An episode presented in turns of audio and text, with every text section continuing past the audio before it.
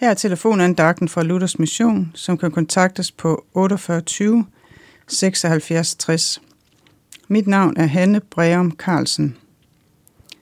Taknemmelighed spreder glæde og livsmod.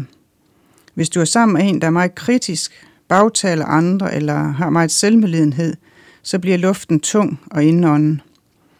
Derimod er det en velsignelse at være sammen med et andet menneske, der er fyldt af taknemmelighed. Det spreder lys, liv og varme. Kan du glæde dig over lidt, har du meget at glæde dig over. Måske synes du ikke, du har en stor grund til at være taknemmelig og tilfreds med dit liv.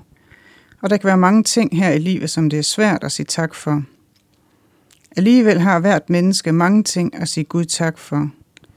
Selv kun med få ressourcer og kræfter er der noget at sige Gud tak for. Først og fremmest for selve livet, som Gud har givet dig. I al sin brogetid, og alle de farver, Gud maler dit livs maleri med. Vi kan takke for Guds frelse og hans tilgivelse og det evige liv.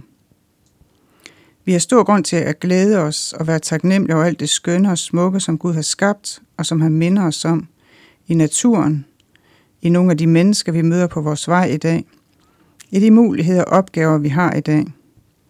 Måske ser det ikke ud af så meget. Alligevel er det en gave, som Gud har givet os i dag.